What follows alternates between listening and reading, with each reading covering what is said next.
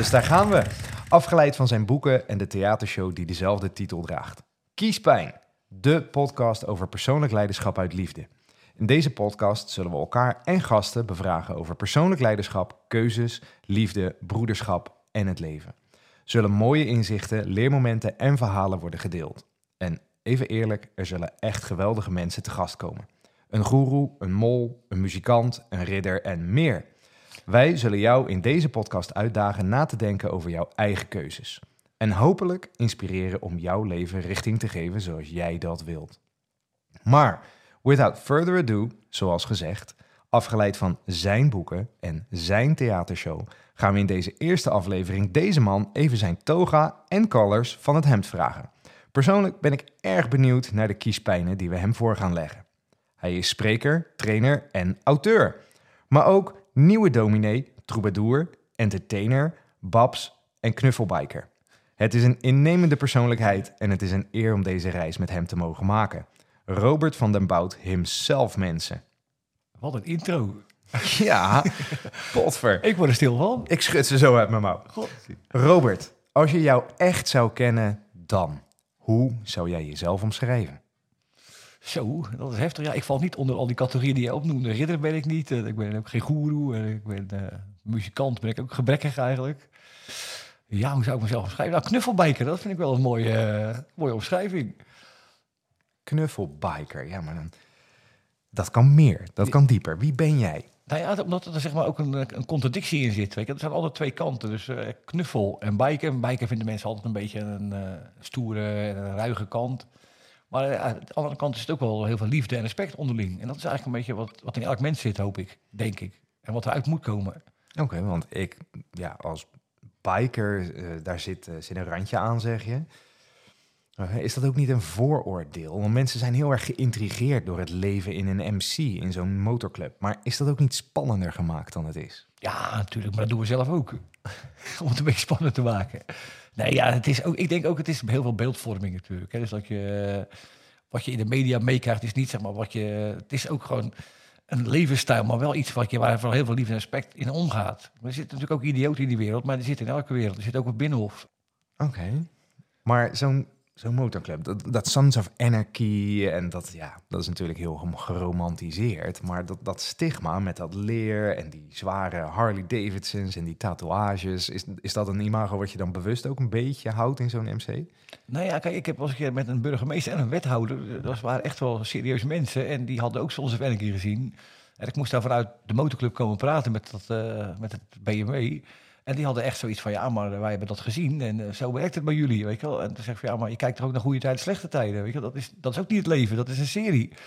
Dus ja, ik denk dat je dat, zeg maar, er zitten aspecten in die ook in die motorwereld gelden. Maar het is allemaal zwaar overtrokken. En het is echt een, eh, ja, anders kijkt er niemand.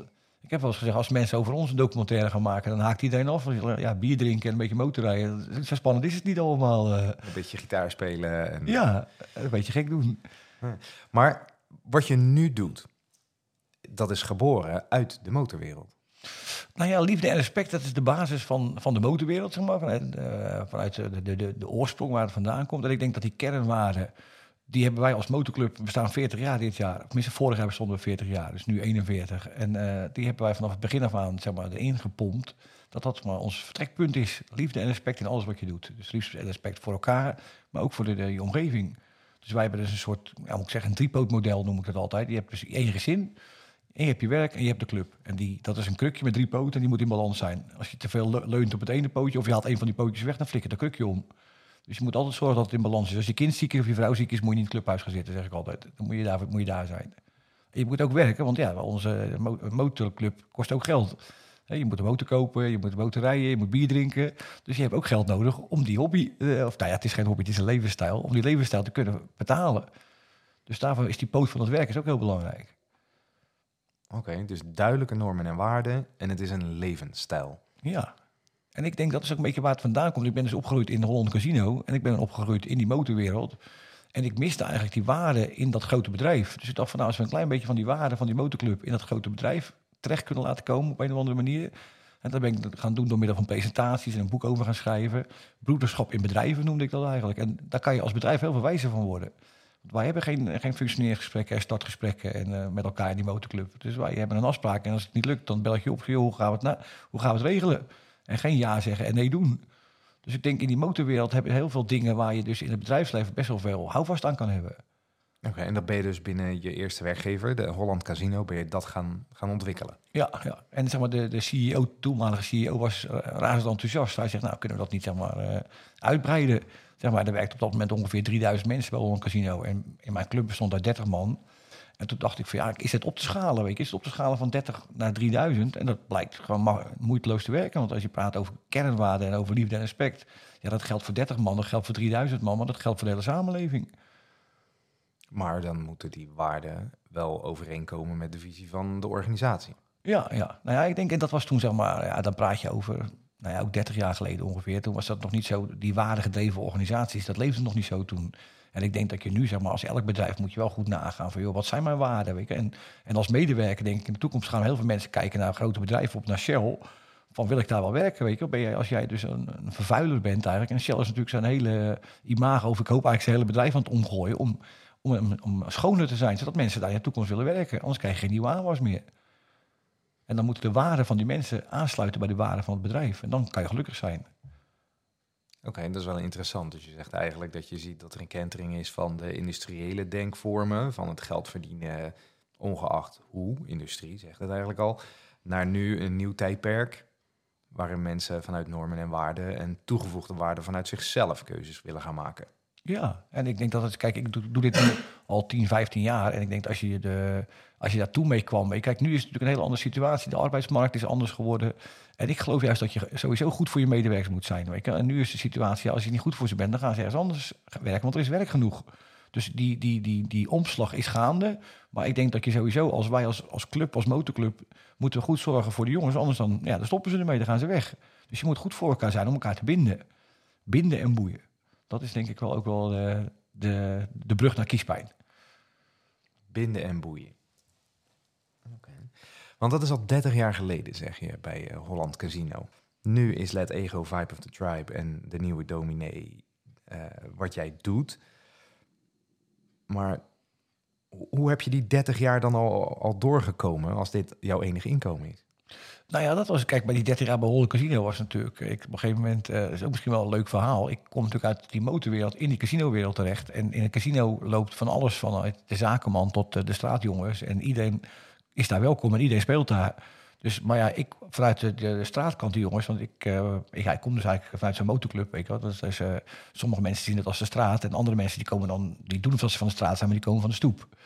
En dat is een beetje in het casino waar uh, ik wel heel goed met die gasten overweg die zeg maar ja, een ander kantje hadden en die kwamen daar spelen en die gingen dus dat ze veel geld verloren uit hun dak en ik kon wel aardig met die jongens overweg om het rustig te krijgen, wat te drinken, te eten en uit te leggen ja dat je het bij een casino en dat is gewoon echt een feit.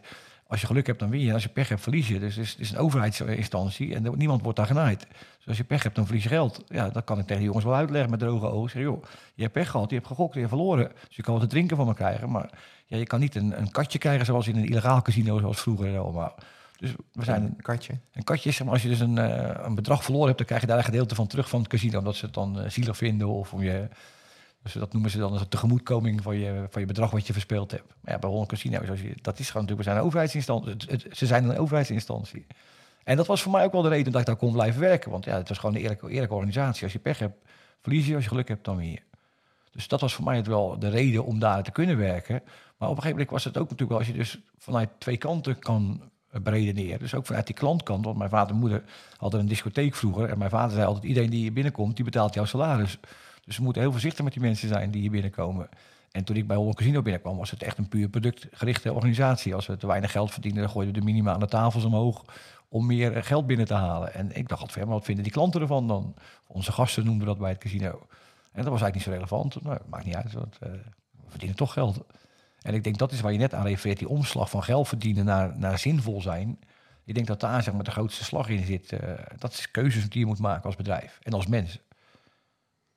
Ja, maar dat is inderdaad een beetje mijn vraag. Want zoals ik jou leer kennen, ben je een hele innemende persoonlijkheid. Je, het is heel veel geven.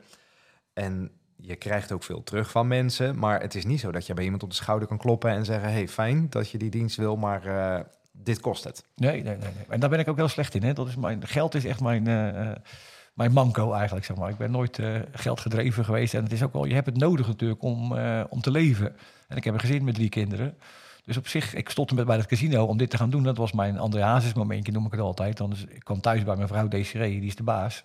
Ik zeg, nou ja, ik zeg, joh, uh, ik werk er nu 25 jaar en ik heb uh, een andere idee. Ik heb een boek geschreven. Ik wil mensen gelukkig gaan maken, met andere keuzes maken over liefde en positiviteit en uh, presentaties geven. Dan zegt ze, ja, nou, leuk, maar kunnen we daarvan leven dan? Zei ze. Ik zeg, ja, dat weet ik niet. Ik zeg, ik denk en ik hoop dat daar behoefte aan is. En ik denk zelfs dat die behoefte steeds groter wordt. Dus dat was iets van tien jaar geleden. En toen zei ze, nou ja, ik geloof in jou. Dat, waren mijn, dat was mijn Andreas momentje. Ik Daar heeft ze nog heel lang spijt van gehad. Want we gingen dus van een topinkomen rond een casino naar, naar in principe niks eigenlijk. Want ik, was, ik ging ondernemer worden, maar ik was geen ondernemer. Ik ben nog steeds geen ondernemer overigens. Dus mijn ondernemer die moet geld verdienen. En bij Holland Casino kwam het elke maand gewoon netjes binnen, uh, werd het gestort. En toen hebben we echt een hele periode gehad van, ik kreeg wat geschenkjes mee bij Holland Casino na 25 jaar. Dan konden we een jaartje, anderhalf jaar opteren. En op een gegeven moment was het ook op. En ik zeg tegen deze, ja, dat komt allemaal wel goed, weet je, want uh, we kunnen daar wel van leven. Maar toen konden we er niet van leven. En het werd steeds nijpender en nijpender. En toen dacht ik van, ja, ik geloof er wel in, maar ik moet wel zorgen dat we gewoon brood op de plank krijgen. Dus dat is wel een, uh, nog steeds trouwens, is dat nog een, uh, een ding. Ik moet wel zorgen dat ik dat die balans tussen geld verdienen en mensen gelukkig maken, die moet ik wel bewaken. Oké, okay, dus ruim tien jaar geleden heb je echt de keuze gemaakt op basis van liefde. Ik wil liefde uitdragen in de wereld. Ik heb gezien dat dat werkt in de MC. Ook al is dat een beetje een contradictie. Het werkt in mijn werk in, in Holland Casino. En dit ga ik bijdragen. Dit is mijn bijdrage aan de wereld. Ja, en ik denk, zeg maar, dat is een beetje eh, die opschaling wat ik zei. Weet je? Dus liefde en respect met zo'n clubje van 30 man, dat werkte heel goed aan de binding onderling. En ja, het flow was klein, er was echt liefde, broederliefde onderling. En ik dacht van nou, als we dat nou bij de casino binnen kunnen krijgen. En dat werkte ook daar dus. Hè. Mensen gingen tegen een aanspreekcultuur, mensen gingen anders met elkaar om, gingen anders met hun klanten om. Dus en toen werkte ik ook nog, een vriend van mij die, uh, die had een eigen C1000 supermarkt. En die zei, kan je niet een keer komen, want wat hier gebeurt, dat lijkt me ook leuk om dat bij mij in de supermarkt te doen. En hij zegt, want hier in, het casino hebben ze allemaal een mening in de kantine. En op de werkvloer zeggen ze niks, weet wel. En de, chef van de houdbaar bij mij doet het ook met de meisje van de kassa. En dat is hier bij het casino ook niet anders. Dus kun je dat niet ombouwen naar mijn supermarkt? Ik zeg, ja, tuurlijk. Die presentatie over liefde en respect, die is, universeel. Die kan bij elk bedrijf. Dus ik had hem omgebouwd naar zijn uh, supermarkt. En uh, dat wordt allemaal gemonitord bij C1000. Werd allemaal dus nu uh, Jumbo. Ik heb ook nog voor Jumbo gewerkt trouwens. En dat wordt gemonitord uit Amersfoort. En ze zien dat in zijn winkel het significant afwijkt. De medewerkstertevredenheid ging omhoog, klanttevredenheid ging omhoog, ziekteverzuiging omlaag. Dus ze vroegen dan vanuit Amersfoort, wat gebeurt dat dan? Hij zei, ja, dat is een vriend van mij uit het casino, die, die heeft een training gemaakt over liefde en respect. En misschien is het wat voor ons. Dus toen kwam ik op het hoofdkantoor terecht in, in Amersfoort. En die zeiden van, nou ja, misschien is het wat voor de hele organisatie. Er werkten 30.000 man op, op dat moment bij, bij C1000. En dat werkt ook daar. Dus dat opschalen, dat werkt gewoon. Kernwaarden, dat geldt voor een, een, een, land, maar ik denk voor de hele wereld. Dus misschien moeten we met kiesbaar nog wel doorpakken zo meteen... dat we dan de hele wereld daarmee gaan besmetten met liefde en respect. Dan krijgen we een andere wereld. We beginnen we in Rusland. Laat die Poetin maar daar eens over nadenken. Dus alles wat je doet, is het met liefde en respect. Waarheid is ook een perspectief, hè?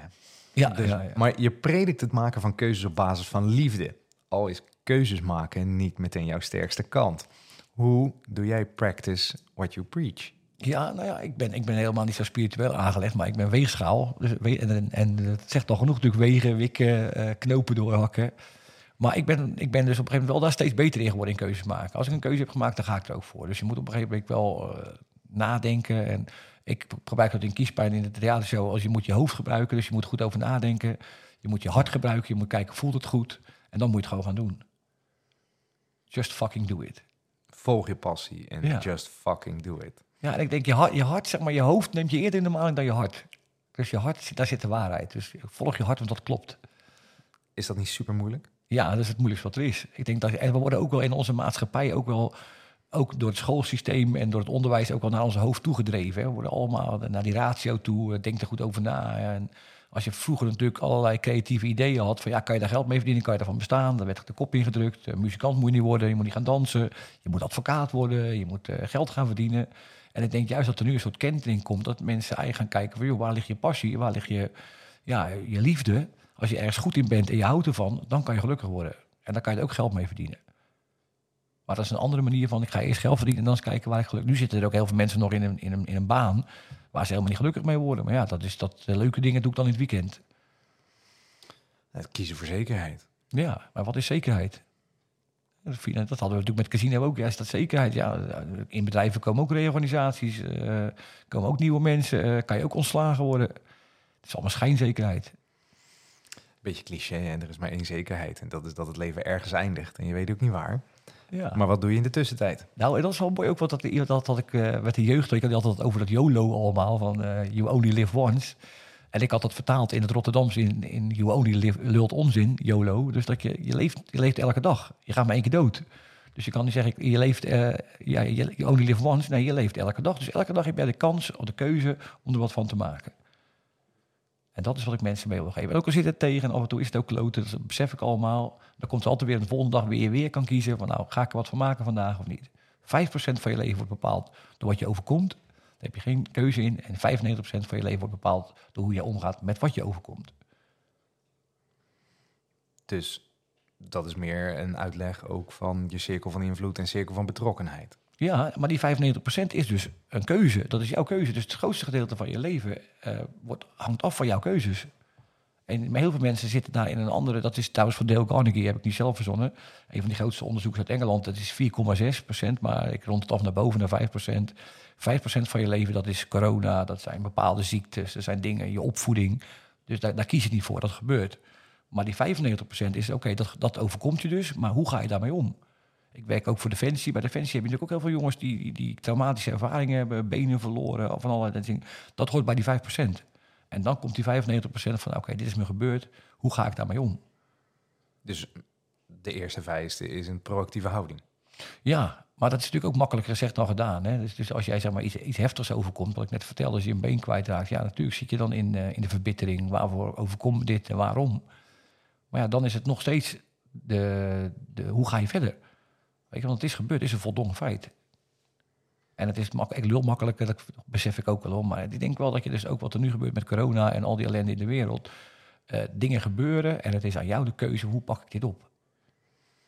Dat is ook wel lastig, want zeker in deze tijd waarin wij met onze telefoons en internet hebben we alles binnen handbereik. Dus het is super moeilijk om bij jezelf te blijven en te kiezen voor positiviteit. Want ja, het is allemaal ruk. Het is, uh, het is alleen maar YOLO op, uh, op Facebook. En daarbuiten, als ik uh, zoek naar ellende, dan vind je alleen maar ellende. Ja, maar zo zijn we ook geprogrammeerd, geprogrammeerd van nature. Hè? Dus ons brein, zeg maar, vanuit zeg maar, toen wij nog Neandertalers waren en op die steppen liepen, is geprogrammeerd op gevaar. Want als je dat miste, dan ben je opgevreten. Dus die positiviteit. Dus als je dus een, een sabeltandtijger aan zag komen en je denkt van ja, nou ja, zal hij me opeten of zal hij me niet opeten? Ga ik eens praten met hem? Nee, het was vechten of vluchten. Nou, vechten lukt niet met zo'n beest, dus het was rennen. En we zijn dus van nature zeg maar, ingesteld op gevaar. En als we dus we zitten niet meer in een gevaarlijke omgeving. Wij tenminste hier in Nederland niet. Hè. Wij zitten gewoon in een maatschappij waar het niet elke dag gevaar dreigt allemaal. Dus, maar we zitten nog wel met een, hersen, met een hersenfunctie die daar wel op, op gericht is. Van oké, is het gevaarlijk? En daardoor is negativiteit, is veel, zijn we veel ontvankelijker voor dan positiviteit. En ik denk juist door, wat wij doen eigenlijk, hè, dat is een beetje zoals ik het begin. Uh, er wordt ons heel veel angst aangejaagd tegenwoordig. En wat wij doen met kiespijn is de liefde aanjagen. We zijn liefdesaanjagers in plaats van angstaanjagers. Maar dat is dan wat je zegt super moeilijk. Want we zijn geprogrammeerd voor negativiteit, voor die adrenaline, voor dat vechten en vluchten. Maar de positiviteit en de liefde zit aan de andere kant. Alleen we zijn dus zo geprogrammeerd naar die andere kant dat het ook de makkelijkste weg is. Ja, en, maar de, kijk, de realiteit is natuurlijk gewoon dat wij in een van de meest welvarende generaties ooit zijn hier in Nederland. En, en, en de meest veilige situatie ook waar we zitten in de hele geschiedenis. Gewoon vroeger ja, kwam je heel, altijd was de levensduur maar 50 jaar, want er gebeurde wat ziektes en allemaal. Hygiëne is toegenomen. Dus in principe, rationeel gezien, zitten we in een hele veilige periode. Maar als je dus maar zoveel negativiteit binnenkrijgt, en wat je ook zegt met die telefoons, dan heb je helemaal een punt dat we krijgen elke dag worden we gevoed met allerlei negativiteit, want dat triggert. En dat is natuurlijk ook met al die algoritmen allemaal. Wij blijven hangen als er iets van gevaar langskomt op het schermpje. Of seks. Dat, dat blijven we ook op hangen. Als het goed is, blijft hij dan niet hangen. We dwalen af. We zijn echt mannen. Hè?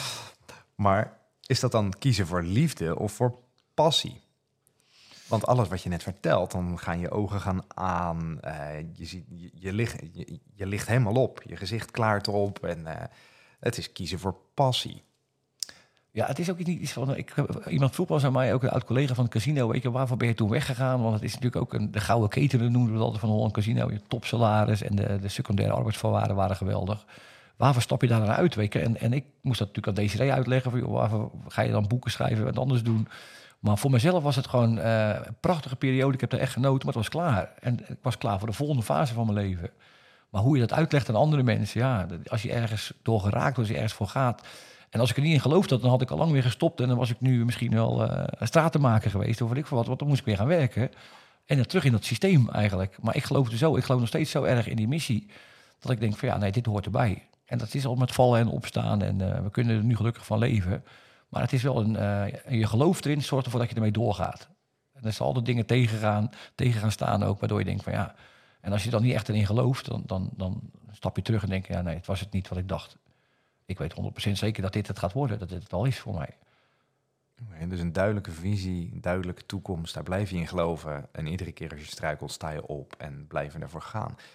Wat zijn je grootste leermomenten geweest dan in de afgelopen tien jaar in deze missie? Nou, een van de, de, de mooiste leermomenten, die gebruik ik nog elke dag eigenlijk, is, is alles wat je aandacht geeft, dat groeit. Dus als je negativiteit aandacht geeft, dan, dan groeit de negativiteit. Geef je positiviteit aandacht, dan eh, groeit die positiviteit. Ik deed bij Defensie altijd een soort, eh, een, een, eh, nou moet ik zeggen, een quizje. En dan vroeg ik aan al die militairen die in de zaal zaten. Ik zeg, joh, kijk eens om je heen, ik heb hier een boek. Je kan een boek winnen. En degene die de meeste groene items ziet, die krijgt dat boek.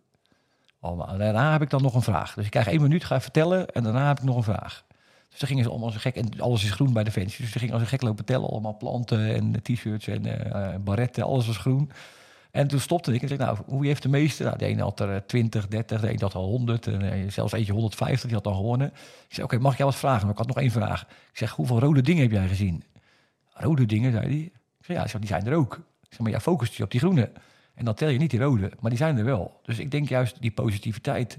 Ja, ik geloof juist heel erg dat het heel positief is het leven. En we moeten wel dingen leren. En we hebben ook de, de, ja, ik zeg maar, de Trumps en de Erdogans en de, de Poetins nodig om te beseffen welke kant we wel op willen. is ook een beetje in een gemene, want je stuurt de mensen in een richting. Dus dat betekent dat ze meteen een tunnelvisie hebben en eigenlijk niet meer ontvankelijk zijn voor, Voor het voor andere. het rode, want je vraagt naar het groene. Ja, maar dat is natuurlijk ook wat je op je schermpjes krijgt. Als je dus heel veel negativiteit binnenkrijgt, wil niet zeggen dat die positiviteit er niet is. En ik kies er eigenlijk voor zeg maar, om naar het positieve te kijken. En ik heb ook mijn, mijn shit in mijn leven. En dan heb ik altijd mijn eerste vraag: is altijd, waarvoor overkom, wat moet ik hiervan leren? Waarvoor overkomt me dit? En het gebeurt ergens voor. En dan moet ik daar. eh, En alles wat kijkt, eigenlijk met dat geld bijvoorbeeld, waar we het net over hadden. Alles wat je aandacht geeft, dat groeit. Ik, ik ben dus geen geldman, maar op een gegeven moment als het dan weer minder wordt, dan ik ben altijd net een. eh, ik loop altijd als het op is, dan ga ik weer, weer jagen, zo- zoals vroeger. Hè? Maar dan denk ik van oké, dan moet ik even aandacht geven aan het geld, weet. Dan ga ik weer bellen en dan gaat, dat, gaat het weer groeien. Dan gaat je, je inkomen weer groeien. Maar het moet zeg maar, ik vind geld altijd als een soort eh, zuurstof. Je, zonder zuurstof kan je niet leven. Maar als je het na gaat jagen, dan word je longpatiënt. Dus je moet zuurstof hebben, en je moet centjes hebben om in deze maatschappij te houden, maar dat moet geen doel op zich zijn. Want een van de kiespijnen, om daar een brug naar te maken die we hadden, is geld versus geluk. Ik heb zelfs gehoord uit betrouwbare bron dat je geen monopolie kunt spelen. Dat je dan zelfs misselijk wordt en over moet geven. Dus geld Heb je, dat van mijn, geluk. heb je dat van mijn kinderen of van mijn vrouw? van deze, Oh, van jouw vrouw. Nee, van mijn kinderen had, heb ik dat ook meegemaakt. Dat ik dan echt, ja, daar gaat het dus alleen maar om geld. En dan, eh, maar ik kom natuurlijk uit de casinowereld vandaan. Dat draait ook alles om geld gewoon. Eh, Je bent erin opgegroeid, maar als je zelf aan tafel zit achter een spelletje, dan gaat het helemaal fout. nee, ja, maar ik ook, ik, als ik dan zeg maar, ik heb ook vrienden met heel veel geld en zo, maar dan zit ik met die jongens te eten. En dan gaat het over belastingvoordeel hier en geld daar. En dan denk ik, ja, ik wil eigenlijk liever praten over de liefde. Over de, de, de mooie dingen in het leven. Dus als ik vraag geld of geluk? Altijd geluk. Altijd geluk, maar zonder geld kun je niet leven. Ja, nou, maar ik denk ook dat je, zeg maar, als je dus moet kiezen tussen geld en geluk. Hè, en je kiest dan voor geld, dan denk ik, ja, dan koop ik wel geluk. Maar ik denk, kijk, geluk hangt natuurlijk, hangt natuurlijk van heel veel factoren af. Gewoon als je heel veel geld hebt en je bent terminaal ziek, dan ben je niet gelukkig. Hè, of als je, als je heel veel geld hebt, wat ik ook zeg maar zie. Mensen hebben heel veel geld, maar ja, hun kinderen willen ze niet meer zien. Ze vliegen de hele wereld over. Hun vrouw die gaat er met een of andere chirurg vandoor, want die heeft wel tijd voor ze. En dan ben je je gezin kwijt en dan heb je heel veel geld. En dan ben je dan gelukkig? Nee, je denkt als je gelukkig bent en je hebt ook nog patiëntjes erbij, dan komt dat wel. Maar kan het jouw boodschap ook niet helpen? Wat je zegt, als, ja, het is als zuurstof en als het opraakt, dan ga ik weer even bellen, heb ik weer wat opdrachten en dan komt er weer Ja, het is niet slim, ruimte. maar dat geef ik ook toe. Het is ook niet de Nee, manier. maar als jouw eh, visie is om zoveel mogelijk de liefde te verspreiden in de wereld, hangt dat ook aan elkaar vast. Ja, zeker. Ik denk, je hebt ook de middelen nodig natuurlijk om het groter te worden. Want we zitten hier nu in een eh, podcaststudio. Ja, die eh, moet ook betaald worden. Anders kan je de boodschap niet verzenden allemaal. Dus ik ben wel met je eens, dat er moet een balans in zijn. En voor mij slaat de balans te veel voor door naar geluk in plaats van naar geld. Oké, want je zou dan effectiever en meer je boodschap kunnen verspreiden als je die aandacht beter kunt verdelen. Ja, ja. Maar ik zie het ook aan mijn kinderen, zeg maar, die middelste, dat is echt een kopie van mij dan. Die geeft ook alles weg. Als hij wat heeft, weet je, wel, dan eh, dan gaan zijn broer, en dan gaat hij uit eten en dan is het weer op. En dan moet hij weer gaan werken. Maar het is niet slim, weet je. Maar ik denk wel, ik ben ook, als ik heel veel geld zou hebben, zou ik ook heel veel weggeven. Ik denk, ja, dan maak ik andere mensen gelukkig mee. En dat is ook natuurlijk vanuit kiespijn. Wij worden gelukkig van andere mensen gelukkig maken. Dus vanuit deze podcast en vanuit kiespijn gaan wij, worden wij zelf ook gelukkig van. Arjen. Als mensen er iets aan hebben. Ik hoop in ieder geval dat mijn vrouw niet luistert. Want Hoezo? ik ben ook een weegschaal natuurlijk. En wat dat betreft geeft ze me altijd hetzelfde verwijt. Ik doe altijd van alles voor anderen en ik vraag er nooit wat voor. Maar ja, ik krijg er wel een hoop liefde voor terug. Ja, en ik denk maar dat om, jij bent ook al onbaatzuchtig. En ik denk op een gegeven moment linksom of rechtsom, dat hoeft niet gelijk te komen, maar dat komt, weet, dat komt terug in je leven. Soms is het moeilijk te herkennen, maar het komt ergens terug. Ja, ik, ik heb een filmpje in een presentatie van een Thaise arts. En die, die, eh, die helpt een jongetje die van de jaren vijf, zes. En die loopt medicijnen te pikken voor zijn moeder. En die wordt dan die winkel uitgegooid en die medicijnen worden afgepakt. En die man heeft gewoon een eh, tokootje met wat eten. En die ziet dat gebeuren, loopt naar buiten, die pakt wat geld uit zijn kassa. En die geeft die vrouw van die winkel, van die medicijnenwinkel, dat geld. Dan zegt hij, dit jongetje hier, want dat is er aan de hand. Ja, mijn moeder is ziek, zegt hij. Nou, je neemt, dat- dat mee, je hebt nu wat te eten en ga je moeder helpen. En dan zit het, eh, stopt het filmpje. En dan gaat 30 jaar later zie je die man eh, in zijn winkeltje staan die hem geholpen heeft. En die valt dan om. Die krijgt een hartstilstand. Opgenomen in het ziekenhuis. In Thailand is het. En in Thailand, als je geen geld hebt, word je niet geholpen. Dus dat meisje, zijn dochter, zit dan eh, bij die, met die artsen praten. Nou, hij moet de operatie ondergaan, maar hij heeft geen geld. Dus nou, die zaak wordt te koop gezet. Maar de arts die hem gaat opereren, blijkt dat jongetje te zijn van toen, die die toen geholpen heeft. Dus die komt met een rekening aan en zegt, de rekening is nul. Je hebt mij 30 jaar geleden geholpen en nu ga ik jou helpen. Dus er zit 30 jaar tussen, dus dat onbaatzuchtig geven en geholpen worden. En dat komt uit een hele andere hoek. Maar daar moet, onbaatzuchtig is ook dat je het geeft, niet om iets terug te krijgen. Dat is ook wel moeilijk in een, in een consumptiegerichte maatschappij. Ja, en dan heb je mensen nodig zoals wij, die dan eh, af en toe ook op de billen, met de billen bloot moeten. Van ja, nou ja, ik heb te veel weggegeven. Ja. Strenge blik van de vrouw altijd. Hè? Die hebben wij ook nodig, hè? want anders dan zat ik nu op straat. Als ik mijn vrouw niet had gehad, dan eh, had ik nu in, eh, in de goot gelegen. Nee, juist. Maar dat is dus wel een valkuil. Omdat je dus zoveel passie hebt voor wat je doet en het verspreiden van de liefde, loop je eigenlijk in best wel veel sloten tegelijk. En dat weerhoudt je dan een beetje om nog succesvoller te worden in wat je doet. Ja, ja. Nou ja, succesvoller. Ik, wat is succes? Weet je? Eh, succes net als zwanger zijn, zeg ik altijd. Hè? Iedereen komt je feliciteren, maar niemand weet hoe vaak je genaaid bent. Dus dat, eh, kijk, succes is krijgen wat je wil en geluk is willen wat je krijgt. Dat is voor mij, eh, dat zit ook in. Succes is krijgen wat je wil. En geluk is willen wat je krijgt. Krijgen wat je wil. Nou, voorlopig heb je al bijna drie theatershows uitverkocht. Ja, daarom. En ik ben heel gelukkig. En ik ben niet rijk, maar ik, heb een, eh, ik heb, kan mijn motor rijden wanneer ik wil. Mijn kinderen hebben te eten. En nou, we kunnen op vakantie, dankzij mijn vrouw. Maar ik ben, wel, ik ben daar wel gelukkig mee. Als ik zou- als ouders mij morgen 100.000 euro op mijn bank storten, nou, dan denk ik alleen maar, oh, dan ben ik blij voor mijn vrouw. Maar ik blijf gewoon hetzelfde doen wat ik altijd deed. Maar jouw vrouw zit bijna hetzelfde in elkaar. Ja, ja helaas wel. die is, maar, die, nee, maar die heeft een betere balans tussen geld en geluk, laat ik het zo zeggen. Maar die is ook, die is ook van de liefde. Jullie eh, plezier en, eh, en werk combineren jullie ook veel natuurlijk. Ja, Want jouw vrouw die is eh, een wedding planner. Dus jullie vakanties combineren jullie vaak met de reisjes van haar werk. Ja, ja, nou ja, ik, heb, ik ben dan de trouwambtenaar. Dus wat wij, eh, ik deed het dus in bedrijf mensen aan elkaar verbinden. En toen zei ook iemand van, joh, dan kan je misschien ook wel mensen in de echt aan elkaar verbinden eh, als trouwambtenaar. Nou, begin interessant. Wel. En ik had ook iemand die wilde dus getrouwd worden door een dominee. En die dacht dat ik een dominee was, omdat ik een boek heb geschreven. Dat heet De Nieuwe Dominee. En eventjes voor de luisteraars misschien die hier voor het eerst kennis mee maken. Het verschil tussen de oude en de nieuwe dominees. Oude dominees gaan over geluk, hoop en liefde. En nieuwe dominees die geloven in een hoop liefde.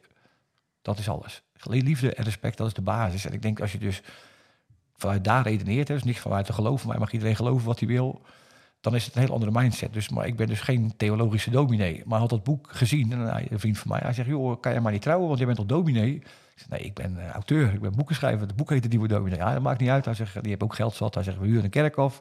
Jij trekt zo'n pak aan en jij gaat, mijn, jij gaat mij in de echt verbinden. Ik zei, nou prima. En een mooie tekst geschreven. En er zaten mensen in de zaal die vonden dat geweldig. Je kan je dat ook niet bij mij doen? bij mijn zoon die gaat trouwen. En zo is dat steeds groter geworden. En dan krijg je juist zeg maar, weer die balans tussen liefde en, en, geld. Wij verdienen nou met onze passie, want we vonden het hartstikke leuk om te doen. En zij is juist van, ik ben de troubadour, zeg ik altijd. Ik doe de presentatie. En zij doet alle randzaken eromheen. De planning, de aankleding en de structuur. Zij is van de structuur en ik ben van de, van de troubadour. Een duidelijke rolverdeling. Ja. Zo vul je elkaar lekker aan. Terug naar die kiespijnen. Geld versus geluk is dus duidelijk uh, voor het geluk. En het geld is maar een middel. En zodra je er behoefte aan hebt, ga je daar weer aandacht aan geven. De volgende kiespijn voor jou. De club of familie? Zo. Nou kijk, dat is wel een beetje... Een, uh, ja, het zijn dilemma's natuurlijk, je moet kiezen. En voor mij is het zeg maar, de, de club is mijn familie. En mijn familie thuis is ook mijn club. Dus ik denk, als je dus praat over... Ik noem het altijd een tribe, zo'n motorclub. Die verbondenheid en dat je onvoorwaardelijk voor elkaar gaat ik geloof dat je gezin, als je in een goed gezin opgroeit, is dat ook je eerste tribe waar je in terechtkomt. Weet je? En dan weet je ook dat je vader en moeder, als het goed is, onvoorwaardelijk voor je zijn. En dat probeer ik ook voor mijn kinderen. Ik heb van mijn ouders ook meegekregen, gelukkig. Dus dat is ook een beetje de basis. Bij de motorclub is dezelfde basis als in het, in het gezin. En ik denk dat er, dat ik vind het een mooi voorbeeld dat ik dan, toen we jonge kinderen hadden, wat je net maar de, de Voice was toen helemaal in, hè, met het leuke programma met uh, Ali B en uh, Jeroen Rietbergen en Marco Bassato. En uh, dat was een vrijdagavond altijd. En dan maakten we altijd familieavond ervan. Weet je wel, uh, hapjes op tafel. Was uh, gezellig. Maar vrijdagavond is ook clubavond. Dus ook, zeg maar, zitten mijn vrienden in het clubhuis op mij te wachten. Dus dan was het altijd weer die weegschaal. Dan van, ja, ja, jezus, nou, wat doe ik nou? En wat ik deed, ik ben thuis afgesproken, ook met de club. Ik zei tegen de jongens van de club, jongens, ik ben iets later. Want ik ben eerst thuis bij mijn gezin, de, de voice kijken. En dan ging ik continu ging ik weg. En dan ging ik naar het clubhuis toe. En dan was ik toch en het clubhuis en ik was ook nog bij mijn gezin. Je had het ook kunnen combineren. Dan deed je gewoon de clubmeetings tijdens de voice aan tafel met hapjes, met het gezin. Ja, nee, maar dan mag je niet praten, want dan, dan stoort mijn kinderen weer, want die zitten te kijken. maar ik die vindingrijkheid om het te combineren. Maar ik denk ook als je echt uh, praat over geld en geluk. En uh, moet ook zijn zeg maar, dat je de dingen doet die je leuk vindt, maar niet ten koste van. Dus als ik me, als, dat is met die driepoot, weet als ik me helemaal richt op de club en ik laat mijn gezin links liggen. Ja, en, en mijn vrouw zegt op een gegeven moment, joh, ik ben er klaar mee, ik ben weg. Dan valt de kukje om. Maar en nu, onvoorwaardelijke liefde in het gezin. Is dat ook de basis geweest om jou, die jou nu definieert in de liefde? Dus het opgroeien met liefdevolle ouders, zijn nog bij elkaar. En... Ja, mijn, mijn, vader, mijn vader is overleden, maar zeg maar, die hebben samen een, een discotheek gehad, weet je wat ik vertelde, waar ik in opgegroeid ben. En die hadden eigenlijk hetzelfde als ik deze en ik nu hebben. Weet mijn moeder was van de structuur en mijn vader was uh, de artiest, zeg maar. Dan, uh, die was kunstenaar ook. Dus, uh, en die houtbewerker. En die is dus een discotheek begonnen omdat mijn moeder, die wilde graag ondernemen. Die wilde een discotheek gaan beginnen. En die zijn in Stolwijk begonnen. En toen ze vanaf het moment dat ze de, de, deur opende, liep het als een speer. Maar mijn moeder deed de boekhouding, mijn moeder deed alles. En mijn vader was de barman, zeg maar. Als er knokken was, dan regelde hij het wel dat het rustig werd. Dat is ook wel cliché. Dus eigenlijk heb jij dezelfde rolverdeling als waar je in bent opgegroeid. Ja, ja nou, ik, zit, ik besef het nu pas nu ik het zit te vertellen eigenlijk gewoon. Dan, uh... En dat is ook zo, maar je moet ook beseffen, dat, dat besef ik zelf heel erg, dat dus de rol van mijn vrouw is cruciaal. Weet je? Dus ik kan wel zeggen, ik ben het, het, vierde kind. Maar aan de andere kant, ik ben ook ouder. Weet je? Dus ik moet ook mijn rol als vader oppakken naar de jongens toe. Maar zij is gewoon de baas. Ik kan wel stoer gaan doen, maar zij bepaalt. En gelukkig heb ik aan haar een goede getroffen. Zij zegt van, joh, zij gunt mij ook... Dat zag ik met coronatijd toen, toen ik niet naar het clubhuis kon. Dan wordt zij ook niet vrolijk van als ik de hele dag maar op die bank zit uh, naast haar. Uh, ik moet ook mijn ding doen. En daar wordt zij vrolijk van en ik vrolijk van. Maar als ze zegt, nu moet je thuis zijn, dan ben ik thuis. Dus club versus familie blijft moeilijk. En je probeert het allebei hoog te houden. Ja, en, en daarnaast moet je natuurlijk ook nog werken. Dat is die andere uh, drie poten. Moet je ook nog ergens geld verdienen. En wij zijn natuurlijk echt een club, daarover staan we al 40 jaar ja, criminaliteit is uit de boze bij ons. Weet je. je moet gewoon werken, je gewoon je verdienen. Als jij zeg maar gekke dingen gaat doen, dan ga je ook de rest van de club meetrekken. Dus dat, eh, dat willen we niet. Gewoon, je moet gewoon normaal aan je geld komen en uh, gewoon goed gezin hebben, goede backup hebben. Dan kan je dus uit voor de club. Oké, dus wat je nu in je samenvatting zegt, is dat je eerst moet zorgen voor een juiste basis thuis en dan pas de club. Ja, maar stel je voor dat het in de club onrustig is, dan ben ik thuis ook onrustig. Dus ik, ik had, we hadden een, eh, een, dingetje met de club, zeg maar. Toen mijn vrouw leerde kennen 22 jaar geleden. En uh, ik was toen president van de club, dus ik moest dat oplossen. En ik had ook mijn eerste date met haar. Dus ik zou uit eten gaan. Denk ik, maar af en toe heeft een clubje nodig. Dus denk je, ja, jezus, dan krijg je hetzelfde dilemma als met die uh, The Voice. Dan denk ik, ja, ik ga haar niet afzeggen. Ik ben wel verliefd op dat meisje. Dus ik neem haar maar mee naar die afspraak. en dan komen we met de clubhuis binnen bij die uh, andere motorclub. En de sfeer was niet helemaal best. Dus ik zette haar even van de bar. En ik ben achter gaan praten met die jongens. En, opgelost. En we reden naar het restaurant waar we zouden gaan eten. Ik zeg, wat voor je ervan? Dat is mijn leven. Wat een poppenkast, joh, zegt ze. Ik zeg, ja, als je voor mij gaat, krijg je dit er ook bij. Dus uh, ze zegt, ja, ik ga voor jou, weet je, want het is jouw ding, maar uh, het is niet mijn ding. En ze gaat wel, als we een clubfeest hebben, vindt ze hartstikke leuk. Maar gewoon clubavonden, en, uh, dat is echt mijn ding. Oké, okay, dus ze respecteert jouw aandeel daarin en hoe belangrijk het voor je is. Maar het is niet zo dat zij daar altijd naast je staat. Nee, nee, maar zij weet, zij weet ik daar gelukkig van word. Maar ik heb dat echt, ik heb die jongens echt nodig. En, en andersom ook. Dus, zeg maar, dus zij gunt mij die ruimte. En andersom, kijk, dat is wel een beetje naar mijn 40 jaar ervaring in die club. In de club wordt nooit gezegd van, joh, je moet voor ons kiezen en laat je vrouw maar zitten. Weet je wel, want de club is belangrijker. En andersom, elke relatie die ik heb gehad, is nooit, zei mijn vrouw ook nooit van, joh, je moet voor mij kiezen en hun moeten weg. Het is altijd in balans. Hmm. Een echte weegschaal. Geld versus geluk is dus geluk. 100%. Maar de club versus familie, daar kom je nog niet uit. Nee, dat is één. Dat is, dat is een dilemma dat had ik niet. Uh...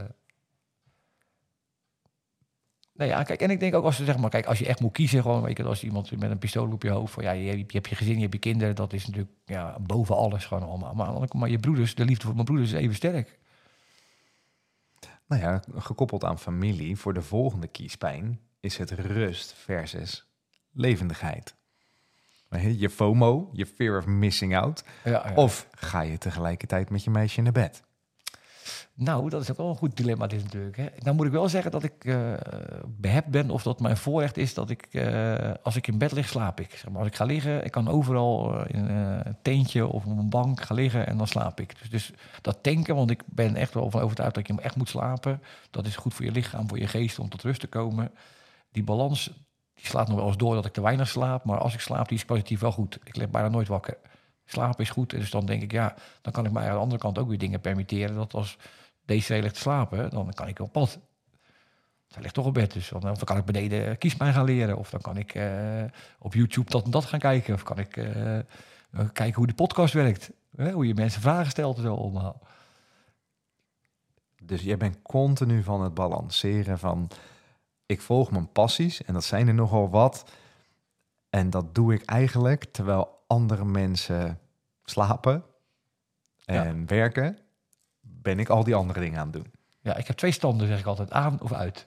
En als ik slaap, dan staat hij uit. En als ik wakker word, dan ga ik. En dat is wel eens irritant voor mijn omgeving, hoor, merk ik wel. Als je dan s ochtends... Uh, ik heb een paar mensen bij ons in het gezin... die, die hebben opstartproblemen, zeg ik altijd. En als ik dan zo druk ben, dan... Uh, ik heb al s ochtends af en toe wel een suggestie gekregen... we gaan naar je kopjes even, want we moeten eerst wakker worden. Dus, uh, dus rust of levendigheid? Ja, levendigheid natuurlijk dan. Uh, slaap is een, uh, hoe moet ik zeggen, een verplichting, dat moet. Maar uh, liever niet, als sleep but I'm dead.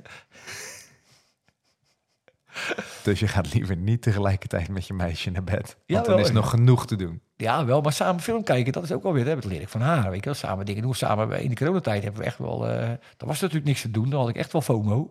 Ik kon ergens naartoe, dus dan gingen we samen wandelen. Toen hadden we voor het eerst Netflix ontdekt. We keken bijna nooit tv samen. En dan gingen we samen serietjes kijken en dan lekker samen slapen. Nou, een heerlijke tijd. En toen was echt wel voor mij wel een soort eye-opener. Weet je, dat is ook waar kiespijn vandaan komt.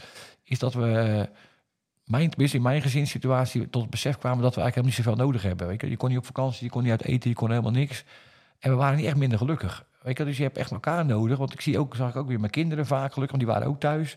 En die vliegen er ook allemaal op uit en denken, nou, de tijd die we nu hebben is kwalitatief ja, ik moet eigenlijk wel dankbaar voor zijn wat er nu gebeurt, als ik het allemaal niet meegemaakt. Maar dan zie je weer het positieve in een wereld die voor heel veel mensen negatief was. Ja, ja kijk, en het is ook, dat is een beetje dat. Uh, uh, ik noem mij altijd champagne-socialist, ben ik. Weet je wel? Dus ik, ik geniet van de privileges die ik heb, maar ik gun alle andere mensen het beste. En ik kan mij wel beseffen dat ik makkelijk lullen heb, maar als jij drie hoog achter zit in een relatie die niet zo lekker is en je hebt met, met vier kinderen of met drie kinderen zit je je kan nergens heen, dat zo'n coronatijd echt kloot is. Dat kan ik me goed voorstellen.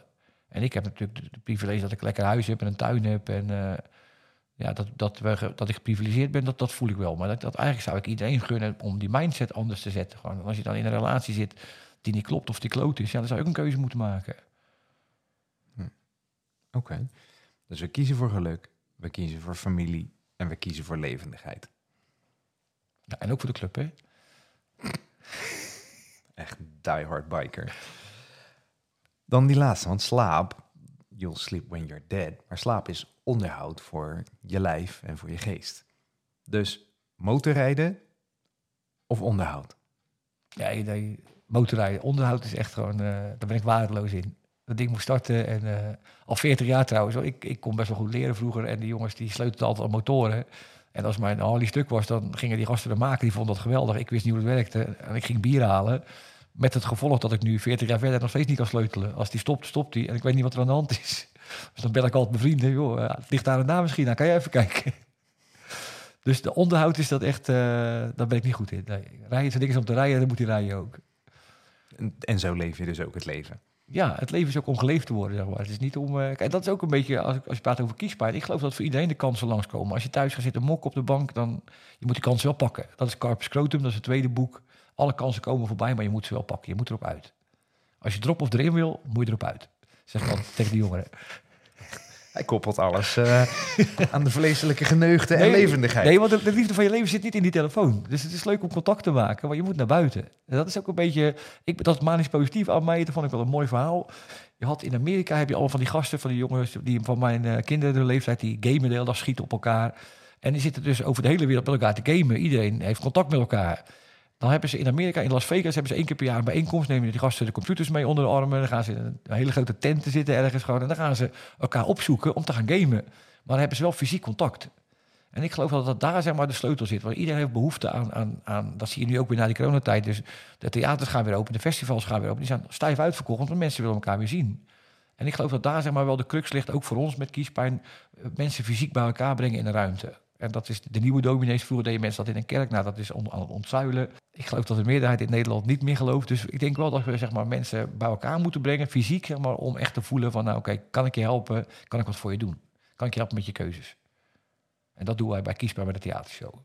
Wat voor je milieu je ook komt, wat voor achtergrond je ook hebt, hoeveel geld je ook verdient, of wat je ook meegemaakt hebt, hoe oud je ook bent. Iedereen is welkom en we gaan met elkaar in gesprek. Hoe kunnen we elkaar helpen met keuzes maken? Want eind van het jaar eh, wil jij in het AFAS een show houden. Nee, correctie. Aan het eind van het jaar staan wij in AFAS met de show. Oké, goeie. Dus je zet ook de intentie en daar geef je je passie en je liefde voor en dat ga je bereiken. Ja, sturing. Als je ergens in gelooft, dan gaat het gebeuren. Ik kwam mijn vrouw tegen trouwens, eventjes een Sideville in het casino. En eh, ze zat op de cursus. En ik leerde haar kennen en ik ga met haar praten. Ik zeg, jij wordt de moeder van mijn drie kinderen. Kan je, kan je navragen aan haar? Nou, nu zijn we eh, 23 jaar verder en eh, het is ook uitgekomen. Was dat je openingszin? ook? Ja, ja, ja. En ze is niet weggerend. Nee, nee, nee. Ze zat ik wel een rare gozer. Ik dacht ze, eh, wat is er toch voor gegaan? En ik geloof, denk, als je, dat is ook wel een beetje, ja, dan, noem ik dat, die eh, law of attraction. Als je dus echt ergens voor gaat, je gelooft ergens in, dan kan je heel veel bereiken. Ik wil niet zeggen dat alles uitkomt, maar je kan wel heel veel voor elkaar krijgen. Dus voor de vrijgezelle luisteraars kan je de vrouw gewoon chockeren, naar de toe lopen en zeggen... jij wordt de moeder van mijn drie kinderen. Ja, maar dan moet je het wel menen. Zeg maar, je moet het ook wel voelen. Het moet geen versiertruc zijn. Dat is ook wel een beetje waar ik maar wat kiespijn over gaat. Ook als je intenties zuiver zijn, zeg maar, als je ergens in gelooft, dan ga je ook anders communiceren. Dat is vanuit het hart. Als ik zeg maar met presentaties sta te geven over kiespijn en ik, eh, ja, ik heb daar nooit moeilijk moeite mee gehad of ik heb nooit echt keuzes gemaakt allemaal. Als ik praat over liefde en respect, dus keuzes maken vanuit liefde en respect. En ik meen dat niet, ik doe dat gewoon als verkooppraatje, dan zouden mensen, lopen mensen de zaal uit. In ieder, geval, in ieder geval, ze nemen het niet voor waar aan, ze doen er niks mee. En ik geloof als je vanuit je ziel of vanuit je hart praat, dan, dan voelen mensen dat of dat klopt of niet. Oké, dus dat is eigenlijk... als je ergens voor kiest en je gaat daar vol voor vanuit liefde, vanuit jouw passie...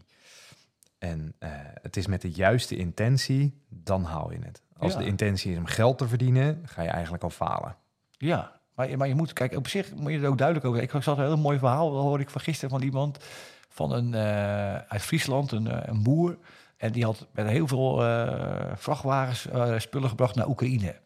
Al die man, weet je alles ingezameld. Er was natuurlijk best wel een gemeenschap daar in Friesland. Dus iedereen had alles aangeleverd, allemaal kachels, kleding. En dat ging allemaal naar Oekraïne.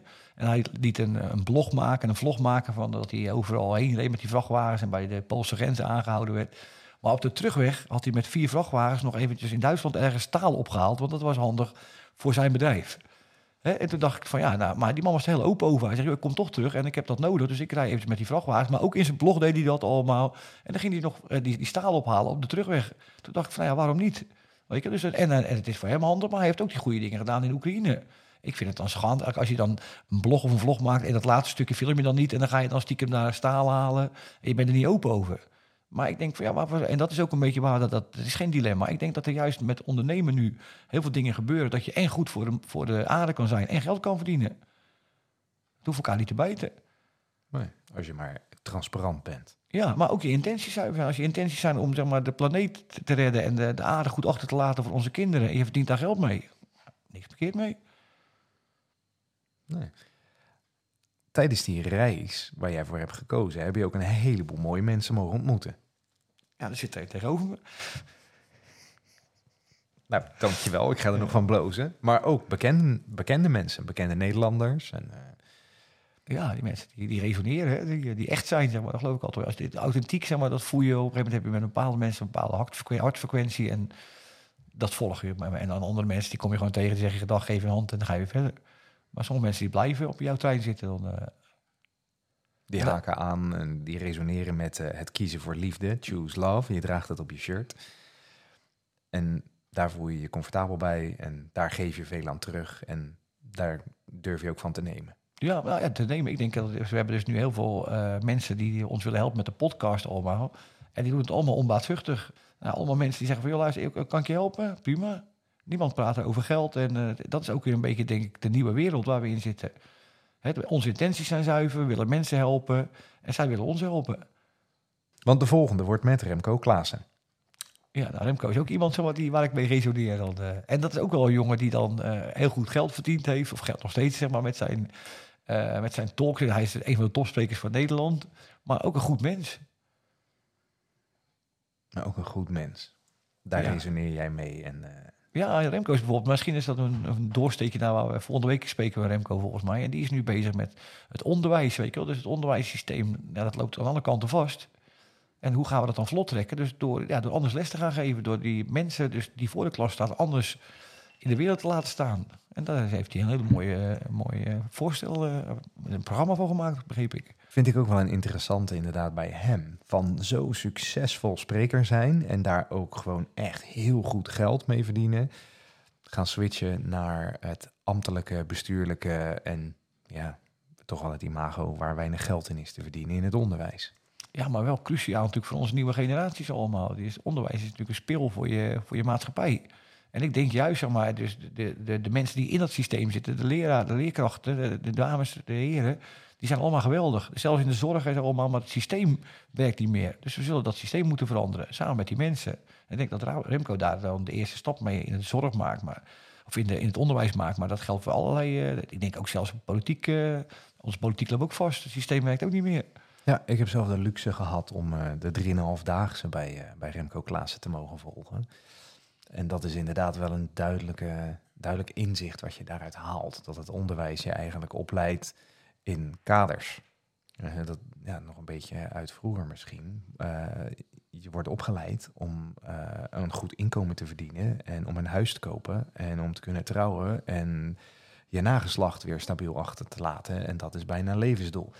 Maar Remco noemt dat altijd zijn kwispelstaart natuurlijk. Het, het, is niet ingericht om mensen te laten ontdekken waar ze blij van worden. Waar hun passie ligt, waar hun, hun liefde in ligt. Ja. En dat uit te buiten. Ja, maar ik denk als je praat over liefde en passie, dat is wel mooi. Als je dus een baan gaat zoeken, dat zou ik alle jongeren adviseren. Als je een baan gaat zoeken, je hebt allemaal uh, liefde ergens voor, je hebt een passie ergens voor. Weet je? Dus als je ergens van houdt, hè, dat is, dat is, ga daarin zoeken. En de passie is waar je, waar je dan zeg maar uh, misschien wel goed in bent. Weet je, als je bijvoorbeeld uh, je, passie, je hebt een passie voor voetballen, maar je bent niet zo'n hele goede voetballer. Maar je, liefde ligt ook in structuur en in, in, in management misschien wel, in leiding geven. Nou, dan kan je aan die kant gaan, gaan zoeken in die voetbalwereld om daar een baan in te vinden. Op het snijvlak van liefde en van passie, als je daar je baan vindt, dan word je gelukkig. Dus wat je eigenlijk nodig hebt extern versus wat je zelf nodig hebt op dat snijpunt, daar kunnen we, kunnen we jou vinden. Ja, dan laten we talent noemen. Zeg maar. Ik noem het altijd zeg maar, liefde of passie en talent. Weet je Talent is waar je goed in bent. En, en, en passie of liefde is waar, waar je van houdt. Als je daar zeg maar, op dat snijvlak je baan gaat zoeken, dan word je gelukkig. Nou, mooi.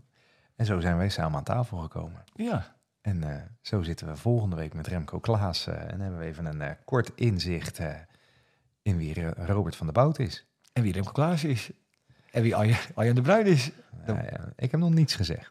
nee, dat denk ik ook. Maar dan moeten we nog leren, dit allemaal. Dat wordt echt wel een soort... eh jij, we noemden het vorige keer sidekick. We gaan gewoon samen aan de slag. En ik weet, jij kent nou, jou, Remco ken je ook. Weet je, wij gaan echt een leuke, leuke ochtend met Remco hebben. Dat is zoals ik het zie, het is ons schoolreisje. Eigenlijk is dat de insteek. Het wordt gewoon een schoolreisje naar Remco Klaassen. Die is natuurlijk, eh, nou ja, ik ga nog niks verklappen over de intro voor hem volgende week natuurlijk. Maar dat is een, eh, een ervaring op zich altijd, Remco Klaassen. Ja, en die zullen ook af moeten remmen. Hè? Dat is ook natuurlijk een eh, spraakwaterval. Dan, eh, en ik denk wel, zoals jij nu eh, je complimenten mag geven over die vraagstelling, we gaan hem ook wel bepaalde dilemma's ontlokken natuurlijk.